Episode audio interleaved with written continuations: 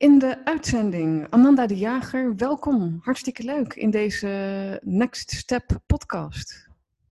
Dankjewel. En ja, prachtig. Wij volgen elkaar. Um, je richt je op, uh, op de kracht van kwetsbaarheid. Hè? Na ook jouw eigen herstel van eetproblematiek. En je hebt ook een boek uit, uh, uitgebracht. Hè? Je bent auteur uh, Poems of Recovery, die je hebt geschreven. Dus meteen ook lekker in het Engels. Dus we hangen aan jouw lippen, Ananda. Wat, wat, wat is jouw achtergrond met e-problematiek als we daar kort naar kijken? Wat is dat geweest voor jou? Um, ja, daar heb ik laatst ook over nagedacht. Ik denk dat het al, denk in de middelbare school al naar voren kwam. Meer als kopingsmechanisme om controle te houden en gevoelens niet te voelen. Het is natuurlijk makkelijk om steeds minder te eten, want dan ga je ook steeds minder voelen. Um, eetproblemen zijn naar mijn idee ook vaak niet echt over eten. Er zijn vaak onderliggende dingen. Dus ik denk dat ik altijd in die zin de controle daar wilde uitoefenen. Um, door minder te eten en daarbij ook mijn lichaam in een bepaalde shape te houden. Omdat ik me dan beter voelde. Uh, en dat heeft zich eigenlijk verder ontwikkeld na de universiteit. Toen zou ik op uitwisseling gaan naar Milaan. En toen ging het uit in mijn relatie en dat wilde ik echt absoluut niet voelen. Um, en toen ben ik gewoon heel erg gaan sporten en nog minder gaan eten, waardoor mijn ongesteldheid uitbleef. En toen na een jaar had ik toch zoiets van, goh, misschien, misschien is het toch wel handig om ongesteld te worden. Um, omdat ik was toen 24 en ik dacht, ja, ik wil nog niet die keuze nu maken of ik wel of geen kinderen wil. Uh, dus toen heb ik aan mijn herstel gewerkt. Uh, want als je... Wat, wat is nu jouw leeftijd, Amanda? Oh ja, ik ben 26 nu. Um, dus ik denk dat ik toen, dat was 2017, 23 was. 23, 24. En eigenlijk met eten al sinds de puberteit, dus 13, 14 denk ik. Um, en ik wilde ook graag dat mijn lichaam een bepaalde shape had. Uh, dus dat, ja, dat is ook een stukje controle over je lichaam natuurlijk. En toen heb ik eigenlijk bedacht van ja, ik weet dat het niet om eten gaat. Dus ik ben heel erg gaan kijken naar waar komt het dan wel vandaan? Waar komt die drang voor controle vandaan? En waar komen die patronen vandaan? En wat maakte dat je dan al wist dat het niet zozeer met eten te maken had, maar met andere dingen? Omdat ik al meer met spirituele dingen bezig was. Uh, ook sinds einde puberteit. Dus af en toe helende reizen gedaan. Of met reiki, dat soort dingen. Dus ik wist wel, en ook boeken daarover gelezen, van eetproblemen gaan niet over eten, maar meer over andere dingen. En ergens wilde ik ook mijn eten niet aanpassen, maar al de rest wel. Nou, uiteindelijk moest ik mijn eten ook aanpassen natuurlijk. Maar doordat ik eerst al de rest al aan had gewerkt, was dat makkelijker.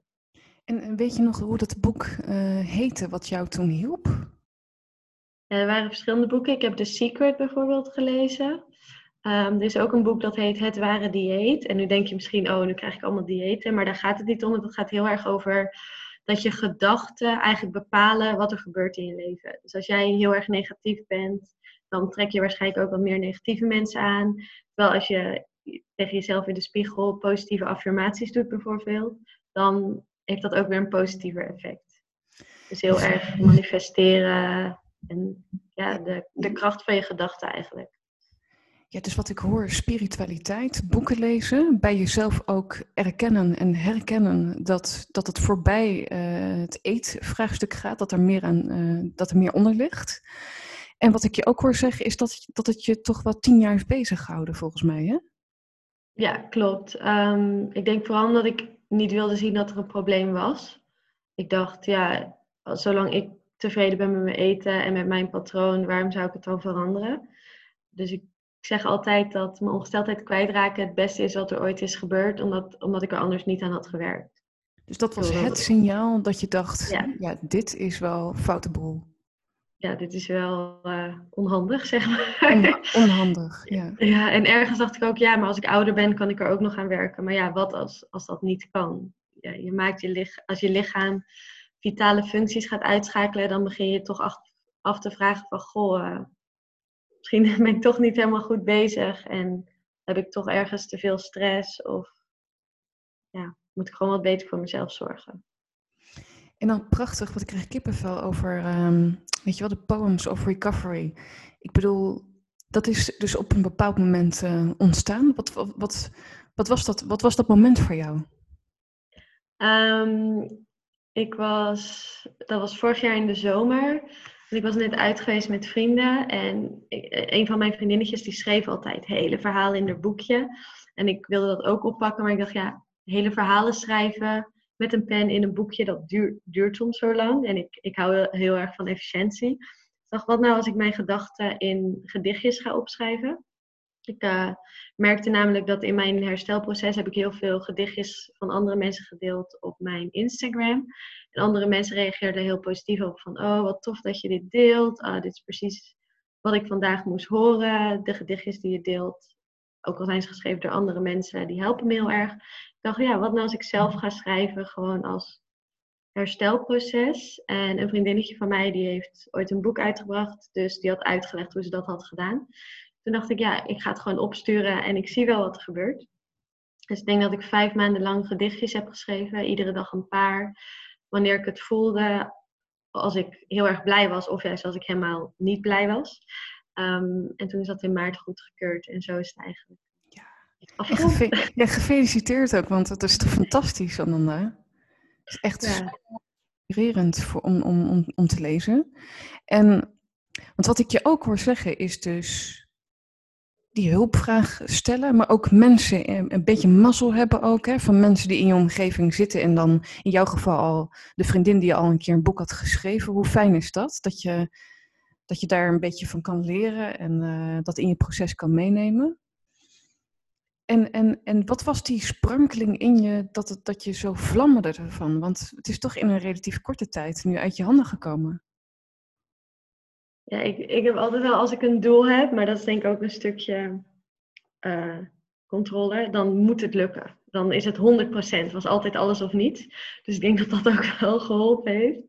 Um, ja, en heel erg andere mensen willen helpen. Dus ik merkte ook hoe kwetsbaarder ik me opstelde als ik over mijn problemen praatte. En dat, er zijn natuurlijk verschillende manieren om over problemen te praten. Als je erover praat, moet je er ook iets aan doen en niet in blijven hangen. Daar geloof ik wel heel erg in. Maar ik denk ook als je jezelf kwetsbaar opstelt, dat de juiste mensen dan ook naar je toe komen en zich ook kwetsbaar durven opstellen. Omdat er natuurlijk zo'n stigma heerst ook op mentale gezondheid, maar ook sommige mensen voelen zich alsof hun probleem niet waardevol genoeg is. Terwijl ja, iedereen heeft het recht om er te zijn, heeft het recht om zijn of haar probleem te delen en heeft het recht ook om aan zichzelf te werken en, en er het beste van te maken. Maar wat, en wat, maar wat vroeg dat van jou? Want als ik naar mijn eigen proces kijk ook, hè, Ananda. Maart 2018, ik ben nu 37, maar dat was voor het eerst in mijn leven dat ik dat hardop durfde uit te spreken. Huppakee, de wereld in. Waar vanuit uh, Stichting Next Step uh, ik heb kunnen oprichten. Want, want als ik dat niet had gedaan, dan, dan was dat stuk wat toch echt onderdeel is van mijn verhaal. Langer dan dat ik het niet heb gehad, zullen we maar zeggen, in mijn leven was dit nooit van de grond afgekomen. Maar dat, maar dat vroeg een bepaalde moed en ook een, gezonde trap in mijn, in mijn eigen kont. Maar wat, je, wat ik je ook hoor zeggen, vind ik ook mooi. Die controle, dat heeft dus ook een heel prachtige functie. Dus waar die heel destructief kon werken, dat die juist nu in je voordeel werkt. Want als je voor iets kiest, dan gaan we hem ook uh, nelen.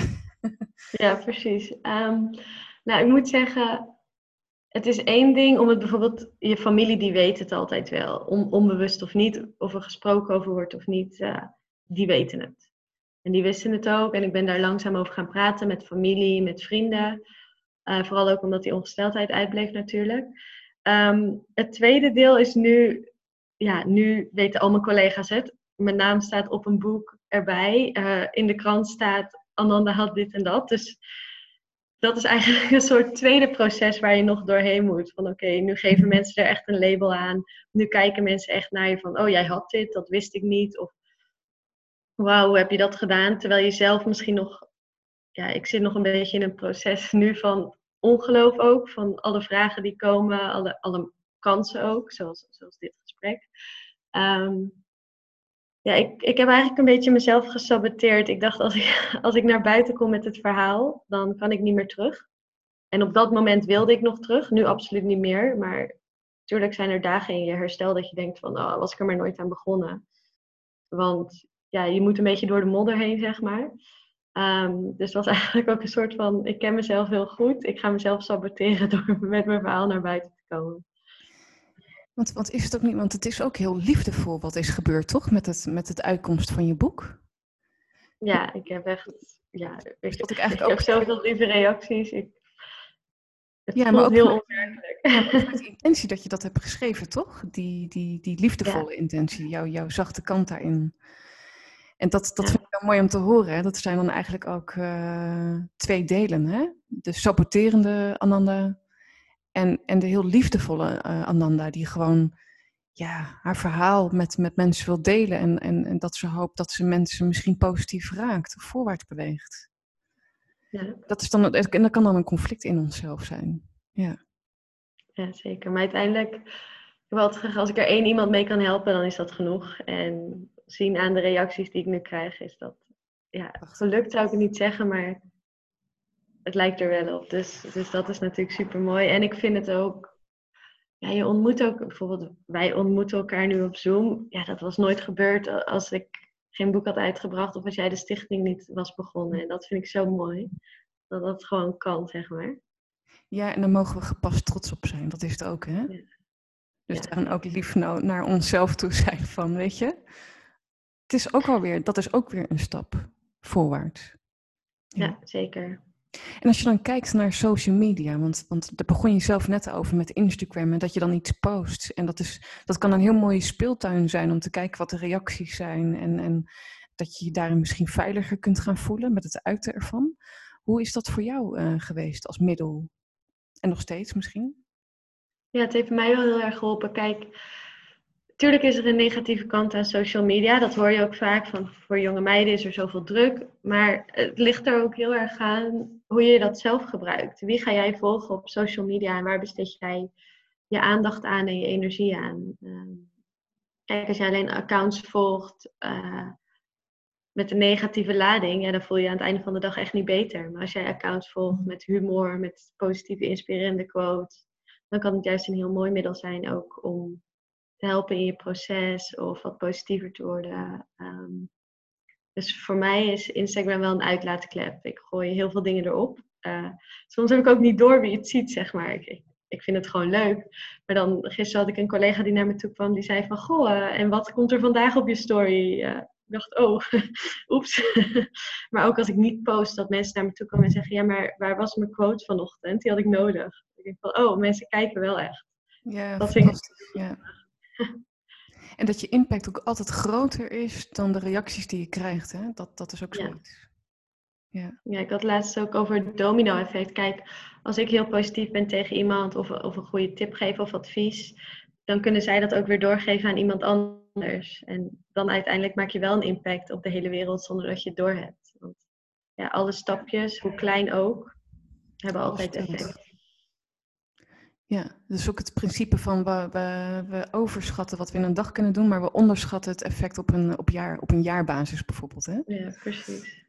En, en uh, je sprak net al over de wereld. Um, je hebt internationaal ook in het Engels je boek uh, uitgebracht. Waar kunnen mensen deze trouwens vinden? Uh, op bol.com, via bookscout.nl en op Amazon. en in Goes ligt hij ook in de boekenwinkel. En bij je boekenwinkel, als je hem daar via de boekenwinkel wil, wil bestellen, kan ook. Ja. Dan gaan ze hem voor je inkopen, hè? Ja, klopt. En wat, wat, wat, wat, is jouw, wat is jouw doel? Want als je het over de wereld hebt, hoop je daarop? Um, niet per se. Ik heb eigenlijk ik heb het uitgebracht niet echt met een ik wil dit verkoopcijfer halen, maar meer van ik wil mensen helpen. En het is ook wel een project van jezelf natuurlijk. Het is het afsluiten van een periode, het begin van iets nieuws. Ehm, maar ik heb zelf in het Engels gestudeerd. Ik werk vaak in het Engels, dus dat was voor mij gewoon makkelijker. Ehm, en inderdaad dat meer mensen het ook kunnen lezen. Dus vandaar eigenlijk het Engels. Ja, en de Women Circle Online, dat is ook een beweging wat je aan het creëren bent? Ah ja, ik sta me opgezet met een vriendinnetje. Uh, dus Woman Circle Online op Instagram. Um, daar zijn we, een vriendinnetje van mij, Lieke, zij organiseerde offline woman circles voor de corona. Dus dan kwamen vrouwen samen om ervaringen te delen, om echt gehoord te worden, zeg maar. En toen kwam natuurlijk de corona. Nou, best wel paniek bij mensen, mentale gezondheid. En toen dachten we, weet je, we gaan het gewoon online doen. Dus uh, iedere dinsdagavond om de twee weken zitten we op een Zoom-call met verschillende vrouwen en hebben we iedere week een thema. Echt om even een momentje voor jezelf te hebben. En, en dat, gaat dan, uh, dat is dan voor uh, iedere vorm van mentale gesteldheid? Of dan wel gericht op mensen met een eetprobleem of een eetstoornis? Het is voor iedere vrouw. Dus iedereen kan meedoen. Dus bijvoorbeeld gisteren hadden we als thema kwetsbaarheid. Um, en wat we dan doen, je meldt je van tevoren aan. En maximum tien mensen, anders wordt het wel heel gezellig in de Zoom-call. Um, en dan bespreken we kort het thema. Dan trekken we een kaart uit een deck. Dus uh, Lieke en ik zijn heel erg van de kaarten. En dan bespreken we die kaart één voor één. En dan sluiten we af of met een dansje, of met een meditatie, of met een healing. Met een dansje inderdaad. Wat leuk. Ja, soms. Dansen, ik raad het iedereen aan. Als je, als je je gevangen voelt in je emoties, beweeg je lichaam. Het helpt zoveel. Want ja, ik geloof er echt wel in dat emoties in je lichaam worden opgeslagen. En door beweging kan je dat weer een beetje losmaken als je het gevoel hebt dat je vastzit. En je bent nu hersteld. Kun je dat zo zeggen voor jezelf? Ja, en wat is dat voor jou? Heeft dat met die, wat is de beschrijving voor jou als je het hebt over hersteld zijn? Als er nu iets gebeurt in mijn leven, ga ik niet meer terug naar oude patronen. Ja, ik denk dat dat voor mij. Tuurlijk gaan er dagen zijn dat je in de spiegel kijkt en dat je denkt van vandaag even niet. Maar ook, ik hoef niet meer terug. Echt nooit meer. En ik ben heel erg dankbaar voor wat ik nu heb en waar ik nu sta. Dus ik denk dat hersteld voor mij wel echt is, als er nu iets gebeurt in mijn leven, dan ga ik die controle niet op eten uitoefenen. Eten staat op dit moment los van hoe ik me voel. Ja. En um, ik gebruik vaak de metafoor van de rotonde. Hè? Dus dat we iedere dag wel rotondes kennen, dat we rondjes zitten te harken erop dat kan heel klein zijn, hè? van wil ik uh, spaghetti eten of, uh, of uiteten. Maar het kan ook heel grote dingen zijn, van um, wil ik verhuizen of niet. Nou ja, zeg het maar. Wat is, wat is een rotonde kwestie die jij onlangs hebt gehad? Oeh. Dat is een lastige vraag. Um, als ik bijvoorbeeld een, eigen voorbeeld mag pakken. Ja, uh, doe maar. Dat is ook deze ehm, Next Step podcast. Dat ik even rondjes kan harken op die rotonde van... Uh, word ik niet afgewezen? Gaat men het leuk vinden? Gaat men het waardevol vinden? Ben ik niet te oud? Uh, nou ja, whatever. een megalijst. En die, en die schrijf ik dan voor mezelf uit aan emoties vooral ook. Van wat gebeurt er nou? Hè? en die bang voor afwijzing of toch een stukje angst in plaats van vertrouwen en liefde. Dat dat kan overheersen. Maar door dat dan meteen te herkennen voor mezelf, dat ik een afslag op die rotonde neem, want het gaat totaal niet om mij. Ik zit hier toevallig met jou, fantastisch. Maar dat het voorbij mij gaat en ook voorbij jou met jouw prachtige boek voor de ander. Ik denk ook wel heel erg gerelateerd aan het boek van ik ben bijvoorbeeld nooit opgenomen geweest. Heb ik wel het recht om hierover te spreken? Uh, zo van, ja, was mijn probleem wel erg genoeg om nu het boek te promoten en andere mensen te helpen? Um, maar ja, het, het, is er nu. Ik ga er het beste van maken. En, en mensen zullen vanuit hun perspectief toch wel een mening hebben. Dus ik denk dat, ja, dat ik daarin wel wat, ja, inderdaad die afwijzing, die twijfels had. En ik had zoiets van, ja, het is er nu, ik heb het gedaan. Ehm, iedereen kan het doen, mochten ze het willen. Uh, maar niet iedereen doet het. Dus. Ja, heel dicht bij jezelf blijven daarin ook, hè? Ja. ja, dat is de, de, grootste levensles voor iedereen, denk ik. ik heb ooit met een coach gewerkt en die zei: Ja, jij bent de belangrijkste persoon in jouw leven. Ja, het klinkt zo easy. Ja, het klinkt zo makkelijk. Maar dat... Ja, maar je houdt onbewust zoveel rekening met anderen en dan cijfer je jezelf soms weg en daar, daar wordt uiteindelijk niemand beter van. Ik zeg het altijd uh, met die metafoor van het vliegtuig. Je moet eerst je eigen uh, zuurstofmasker opzetten voordat je die van een ander kan opzetten. Want anders zijn jullie er allebei uh, niet meer zonder zuurstof. Ja, en zo is het wel. En als je dan kijkt naar de mentale gesteldheid uh, bijeenkomsten, die online sessies die je hebt, is dat vooral rond jouw leeftijd dat mensen dan samenkomen? Dat verschilt heel erg. op dit moment, kijk, we zijn net begonnen. dus het is vooral mensen die we kennen van onze leeftijd. Maar er zijn ook mensen van 40 bij geweest. Oh ja, ja. Iedereen is welkom, dus dat is superleuk. En zie je dan ook een rode draad terugkomen aan wat, wat, wat mensen delen? Kan ik me voorstellen? Dat je terugkerende thema's hoort? Nee, want we hebben iedere week kiezen we een ander thema. We voelen dat gewoon aan. Dus deze week was het thema dan kwetsbaarheid. Die week daarvoor was volgens mij in je eigen kracht staan. Uh, want je merkt toch wel, zeg ook wel eens, dat de vijf mensen die het dichtst bij je staan, het meest reflecteren van hoe jij bent. Dus we merken wel in de groep, ook al hebben we allemaal andere ervaringen, dat de juiste personen toch wel aansluiten. En ja, dat sommige thema's, je voelt gewoon dat dat dan het juiste thema is voor die week. Zeg. Ik denk ook heel erg nu, merk je ook met die corona, dat, dat ze overal meer over mentale gezondheid en alles praten. Ja. Dus meer door die, die zelfreflectie die ontstaat, hè, door ook de periode waarin we leven. En wat houdt jou nou iedere dag lekker? Weet je wel, als ik voor mezelf, als ik naar mezelf kijk, dan ben ik iedere dag mezelf aan het trainen. En met, met liefde hè, en zachtheid. Maar iedere dag ben ik me bewust. Hoe is dat voor jou? Ja, voor mij hetzelfde. Ehm, ik heb natuurlijk gewoon een fulltime baan hiernaast. Dus daar ben ik gewoon ook uh, zoet mee eigenlijk van uh, eh, 9 tot uh, 6, 7. Um, train iedere dag ook, uh, sporten. Dus dat, dat probeer ik ook met intentie te doen. Ik, ik doe dat echt puur omdat ik wil kijken, oké, hoe sterk kan mijn lichaam worden? Dus niet met een doel van ik wil een sixpack of ik wil afvallen. Echt puur wat kan mijn lichaam allemaal? Want ik, ik vind het super vet wat een lichaam allemaal kan. Je kan je ongesteldheid kwijtraken, je kan het ook weer terugkrijgen. Ja, ja. super bijzonder, vooral een vrouwenlichaam. Niks tegen mannen hoor, maar... um, en ik schrijf nog iedere dag. Ik heb iedere week...